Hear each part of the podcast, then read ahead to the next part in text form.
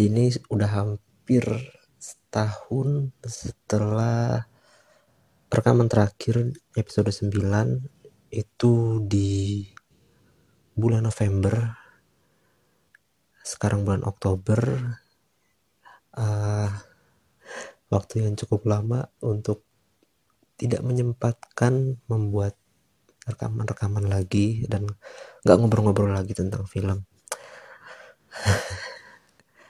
Aduh, sudah lama juga tapi masih tetap seperti ini ya sudah tidak apa-apa. Oke, uh, kembali lagi di podcast obrolan figuran, podcast yang akan membahas segala hal tentang dunia perfilman yang akan dibahas secara belagu dan rancu masih dengan gua sendiri. Uh, apa kabar semuanya cel udah lama banget setelah tahun lalu uh, sebenarnya sih ini akan gue buat dengan opening ya. Nanti gue sih lagi bikin untuk openingnya nanti. Uh, gue tambahin di depan. Nggak tahu deh hasil bagus apa enggak semoga bagus. Uh, itu juga. Ini cover udah pernah bahas belum ya? Pokoknya covernya juga udah ganti sekarang Cinema Paradiso. Mungkin udah pernah dibahas tapi gue apa gue bahas gue bahas lagi. Sekarang udah bikin konsep art sendiri untuk uh, podcast obrolan figuran. Itu make foto anak kecil Cinema Paradiso. Uh, dan kayaknya udah nggak bisa ngomong uh, kotor lagi ya karena sekarang saya udah eh gue gue gue udah uh, apa connect connect account podcast obrolan figuran ke noise. Jadi hmm, akan meminimalisir omongan-omongan kotor. Ya meskipun gak terlalu banyak juga di episode-episode sebelumnya gitu. Uh, apalagi udah lama banget oke. Okay. uh, jadi sebenarnya gue nggak mau bahas yang terlalu berat-berat hanya ngebahas apa yang terjadi selama setahun ke belakang ini di dunia perfilman. Eh sorry gue belum mendoakan sih ya. Gue selalu mendoakan kepada pendengar-pendengar gue meskipun gue nggak tahu kalian siapa. Semoga selalu sehat dan diberikan uh, rezeki yang lancar amin. Oh iya dan juga gue terakhir lihat itu uh, di akun noise gua bahkan dengan cuman 9 episode ini ada 7 subscriber. Gue makasih banget uh, dan semoga kalian bukan bot ya. Semoga kalian orang beneran dan menikmati uh, obrolan yang gini-gini aja. Oke. Jadi selama setahun kebelakangan setahun belakang ini banyak ya banyak terjadi apa pun di dunia perfilman. Uh, dan yang paling highlight itu kejadian Oscar kemarin ya. Itu eh, jokesnya si Chris Rock yang menyindir eh, istri Will Smith yang mana bikin si Will Smith naik panggung terus menampar wajah Chris Rock. Dan sampai akhirnya eh, dia di ban oleh Academy of Motion Picture Art itu sampai 10 tahun gitu. Nggak boleh datang ke pagelaran Oscar. Gitu. Jadi di Jogja itu uh, si Chris Rock uh, dia dia menyindir menyindir si istri itu yang mana uh, dicukur botak. Katanya sih itu penyakit alopop al alpomimia apa kalau kalau nggak salah poin seperti itu. Uh, tapi disindir oleh Chris Rock. Katanya itu uh, lu lagi persiapan untuk G.I. Joe gitu. Nah itulah pokoknya. Kalian pasti juga udah tahu-tahu dan udah baca-baca tentang itu. Gue sih melihat kejadian itu uh, apa ya mungkin mungkin gue banyak berbeda dari pendapat teman-teman semua ya. Karena gue lebih ke sisinya si Will Smith. Itu jadi uh, baik lagi sih apa pun yang dilakukan dia cuman um, berusaha melindungi uh, apa berusaha menunjukkan berat betapa pedulinya dia kepada istrinya. Ya terlepas dari berbagai kontroversi antara mereka berdua yang terjadi selama ini gitu. Tapi yang jelas emang Chris Rock suka berulah juga orangnya. Dari yang Oscar berapa tahun sebelumnya juga sempat ada ya case semacam ini juga itu jadi ya agak disayangkan juga tapi memang itu acara resmi. Jadi ini it apa yang pun yang terjadi uh, ya sudah itu yang penting dia tetap menyabet best actor untuk filmnya di King Richard. Dan yang paling uh, eh, gue seneng banget itu nah ini lagi-lagi uh, berbeda sama keinginan semua orang gitu. Jadi pemenang best picture ini jatuh ke Koda dan itu gue seneng banget. Karena apa? Koda itu hmm, film terakhir yang gue tonton untuk uh, nomini best picture. Ya dari semua nomini gue udah nonton terus yang terakhir Koda dan pas gue selesai nonton Koda itu full of meaning banget. Pokoknya filmnya keren banget. Dan gue uh, sempat bikin Instagram story. Uh, biasa kan gue kalau misalkan udah mau Oscar gue bikin nih gue screenshot dari uh, postannya si Oscar siapa aja nih nomininya terus gue bikin uh, prediksi nih siapa nih bakal menang. Dan, dan ternyata Koda tembus. Gue tuh gue sedang banget. Dan gue pas uh, acaranya itu gue langsung teriak yes! Oh, anjir gue seneng banget gue terharu sih. Uh, for the first time ever film kayaknya ya kalau nggak salah gitu. Ini ini for the first time ever uh, film tentang uh, apa ya uh, jatuhnya sih difabel ya. Ya oke okay, benar-benar difabel jadi film yang benar-benar menunjukkan kekeluargaan jalan ceritanya bagus eh, pendalaman karakter juga bagus. Si cewek si tokoh utamanya aduh siapa gue lupa namanya. Terus juga Troy Kotsur itu juga menang best supporting actor gue seneng banget. Tapi itu emang udah terlihat sih dari dia sebelumnya menang Golden Globe. Menang gak ya kalau nggak salah? Coba deh gue cari dulu. Uh, supporting actor Golden Globe.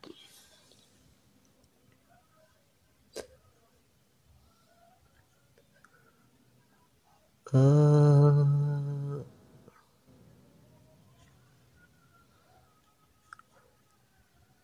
oh Cody Smith McPhee yang menang ya? Oke okay, oke. Okay.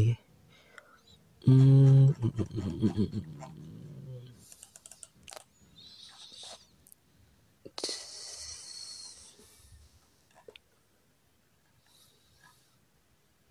ya pokoknya itulah. Oke berarti gue di Smith McPhee gue salah. Uh, jadi pokoknya gue seneng banget gue udah menang. Tuh terus hmm, ngobrol apa lagi gue uh, sekarang lagi nonton triloginya si hmm, filmnya Christoph Kilowski Kilowski aduh sahabat namanya. Uh, Three Colors yes gue lagi nonton Three Colors Trilogy. Dan sekarang gue udah sampai ke yang Red oh sutradaranya Christoph Kieslowski. Jadi kata orang-orang uh, film yang blue sama yang white itu lebih bagus yang blue tapi gue lagi-lagi berbeda pendapatan dari yang lain. Gue lebih suka yang gue lebih menikmati yang white dari alur ceritanya. Dan katanya film yang red ini uh, lebih lebih seru dari dari film uh, white dan blue. Tapi nggak tahu gue belum bisa menilai karena gue lagi baru berapa menit. Oke. Okay. terus sama ini aku lagi nonton Minions juga. Ketinggalan banget emang. Minions yang paling baru The Rise of Gru uh, ya lagi menghibur diri aja karena tontonan-tontonan lain yang seru gitu. Jadi oh ya karena gue sebenarnya sambil nonton juga uh, baru semalam itu ngabisin uh, final episode Cobra Kai dan itu plot twist banget dan gue gue semakin menantikan uh, season baru dari Cobra Kai. Ini agak melenceng sedikit dari pembahasan kita yang mana saya kan sangat expert dengan film Hollywood ya tapi gue atau kenapa gue selalu seneng nonton Cobra Kai. Uh, dia selalu menyuguhkan in the first episode and last episode itu wow banget. Selama dari saat dari season 1 season 1 sampai yang season ter, yang terbaru ini itu keren banget sumpah jadi gue gak sabar nunggu. Oke. Okay. oke okay, oke okay, back to the movie. Uh, film yang gue tungguin banget pengen gue tonton sekarang bulan Oktober uh, bulan depan itu ada Black Panther Wakanda Forever. Dari trailernya itu wow. Dan gue yakin semua yang udah nonton trailernya terkagum. Karena apa? Ini temanya sangat penuh dengan emosional dan gue berharap sih ini lebih bagus daripada uh, predecessornya lah ya pendahulunya gitu. Terus juga banyak karakter karakter-karakter baru yang udah dibocorin kayak Iron Heart terus kemudian ada Neymar itu dan nantinya akan ada uh, new hero yang pakai Black Panther suit tapi gue nggak tahu ntar entah disebut tetap Black Panther atau whatever. Pokoknya ini gue yakin ini seru banget dan gue harus nonton. Uh, selain itu paling gue lagi ini sih gue lagi lihat-lihat gue lagi lihat-lihat uh, film-film yang sudah tayang dan akan tayang yang bakal yang akan uh, kira-kira bakal menjadi Oscar contender ya itu oke ini di antaranya ada film Babylon Babylon lah Babylon sutradara Damien Chazelle of course uh, dia tuh emang langganannya Oscar ya uh, dibintangi sama Brad Pitt, Margot Robbie, James Smart, Olivia Wilde. Oke, okay. gue hanya tahu tiga dari empat yang dituliskan di halaman IMDb ini. Tapi filmnya kayak belum keluar deh. Gue jadi belum belum nonton juga. Terus ada Causeway sutradaranya Lila Neubauer bintangnya ini castnya ini Jennifer Lawrence Brian Tyler Henry dan yang lain uh, akankah si Jennifer Lawrence ini bersaing dengan Kate Blanchett di filmnya yang nanti akan gue sebut. Oke kita lanjut dulu. Berikutnya ada The Fablemans. Nah ini ini uh, eh, gue rasa ini calon kontender terkuat. Salah satu yang terkuat untuk di Oscar 2023 nanti. Uh, sutradaranya Steven Spielberg. Castnya ada Michelle Williams Paul Dano Jude Hirsch. Dan ini semua komposisi yang sangat bagus ciamik. Karena semuanya aktor aktor dan aktris berpengalaman. Dan juga mereka memang terbukti uh, apa ya karya-karyanya juga ketika lagi ngedirect ngeproduser itu keren-keren banget. Salah Paul Dano. Dan jalan ceritanya pun uh, ini gue belum nonton ya karena ini masih upcoming film. Uh, kak lebih kayak menceritakan seperti apa sih kisah Steven Spielbergnya. Gitu. Jadi ini cerita tentang film uh, ya uh, gue rasa mirip-mirip kayak Cinema Paradiso. Kita nantikan aja. Pokoknya oh, oh iya ada Seth Rogen juga nih. Pasti ada sedikit sentuhan komedinya juga ya. Uh, oh ya tengah tuh juga anting. Uh, Seth Rogen dia akhir-akhir ini udah nggak terlalu acting serius ah acting komedi ya lebih ke serius. Nah film selanjutnya ini ada Tar nah, Tar ini sutradara sutradaranya Todd Field uh, castnya Kate Blanchett. Kate Blanchett akankah dia mengulang kesuksesan dia? Karena di ratingnya ini si, Kate, uh, si film Tar 8,2 di IMDb dan di Rotten Tomatoes kalau nggak salah 95% deh kalau nggak salah itu. Ya karena sebelumnya kan si Kate Blanchett udah menang di hmm, aduh gue lupa. Filmnya Woody Allen. Uh, apa ya? Kate Blanchett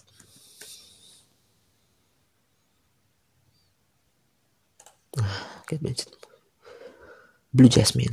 Ya dia menang di Blue Jasmine terus di Aviator. Dan kalau dia bisa menang untuk Best Actress di film Tar ini gue rasa ini very good dan gue akan senang banget. Film selanjutnya yaitu uh, The Benches of Inisherin. Ini juga uh, film lainnya yang gue rasa menjadi kontender terkuat di Oscar nanti. Sutradaranya Martin McDonald. Uh, jika kalian suka nonton film-film festival pasti udah pernah tahu udah udah pernah tahu gimana sih cara direkturnya si Martin McDonald itu seperti apa? Ya bang salah satu film yang belum lama ini di Three Billboards Outside Ebbing Missouri itu luar biasa keren dan Francis McDormand ini luar biasa. Nah dan sekarang di tahun ini si Martin McDonald kembali berkolaborasi dengan cast andalannya dia ketika uh, film 2000 uh, I think 2006 atau 2008 gitu film In Bruges. Dan kembali lagi sekarang di The Benches of Inisherin yaitu uh, Colin Farrell dan Brendan Gleeson. Ini akan adu acting lagi. Metascore aja 90% dan gue yakin ini film seru banget. Gue bakal nonton pasti ini. Oke. Okay. dan berikutnya ada film The Whale. Sutradaranya Darren Aronofsky after a long time Darren Aronofsky kembali lagi akan bergengsi gue rasa di Oscar nanti. Dan dia pakai case-nya nggak tanggung-tanggung case favorit. Yeah, case favorit film-film uh, petualangan ataupun sejenisnya yang suka diputar di TV itu Brendan Fraser. Nah yang berikutnya ada The Woman King. Uh, sutradara Gina Prince Bythewood case-nya Viola Davis sebagai aktor aktris utamanya. Dan ini katanya emang bagus banget. Dan gue belum nonton gue pasti akan nonton. Terus sequel uh, Knives Out itu Glass Onion Knives Out Mystery. Sutradara Ryan Johnson kembali dibintangi Daniel Craig uh, itu pasti bakal seru juga. Oke nah uniknya di sini akan ada film yaitu Woman Talking yang dibintangi oleh Rooney Mara. Akan kasih uh, nantinya di Oscar 2023 Kate Blanchett bersaing dengan Rooney Mara. Yang mana jika uh, para jajaran figuran ya udah lama gak ngomong gitu. Jika para jajaran figuran tahu mereka beradu acting bagus banget di film Carol. Kita lihat aja nanti oke terus ada filmnya Park Chan Wook Decision to Live. Salah satu foreign film yang kayaknya bakal gue tonton juga. Uh, terus apa lagi ada Till Armageddon Time oh, Elvis Elvis.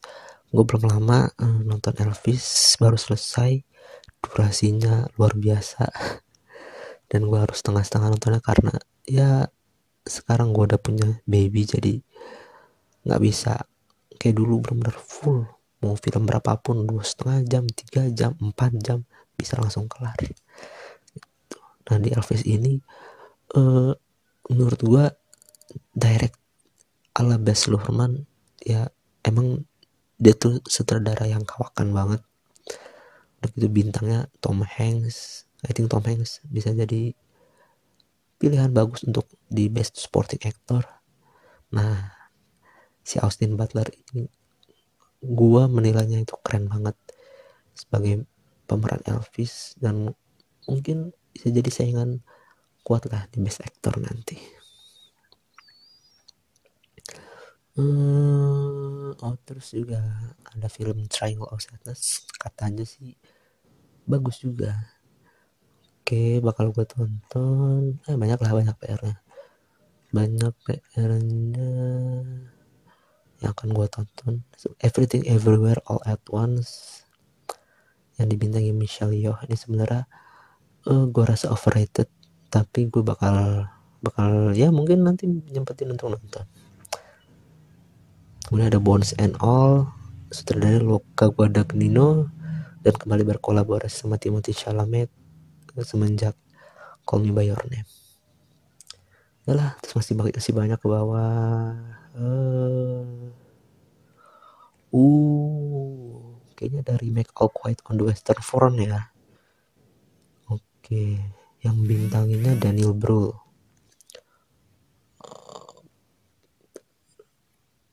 Waduh, gua harusnya gua mungkin nanti kedengaran suara bunyi sesuatu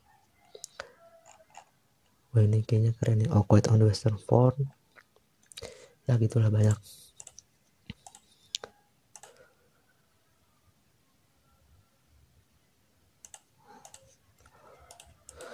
Aduh, aku rasa cukup ya buat episode episode uh, bangkit dari kubur.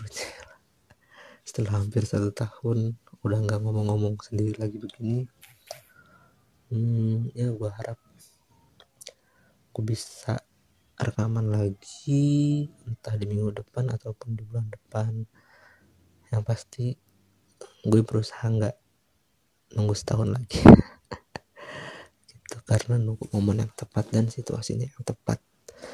Gitu ya paling gitu aja. Kalau misalkan ada saran-saran atau kritikan apa pun bisa ke email ob obrolan figuran podcast at gmail.com atau langsung mention atau DM ke Instagram gue by the way Instagram gue di private jadi kalau misalkan mau tetap ada yang mau kritik oh apa kalian uh, harus apa request follow dulu. Tapi pasti pasti gue accept. Itu oke terima kasih buat semuanya. Sehat selalu dan jangan lupa tetap nonton film yang bagus oke? Ciao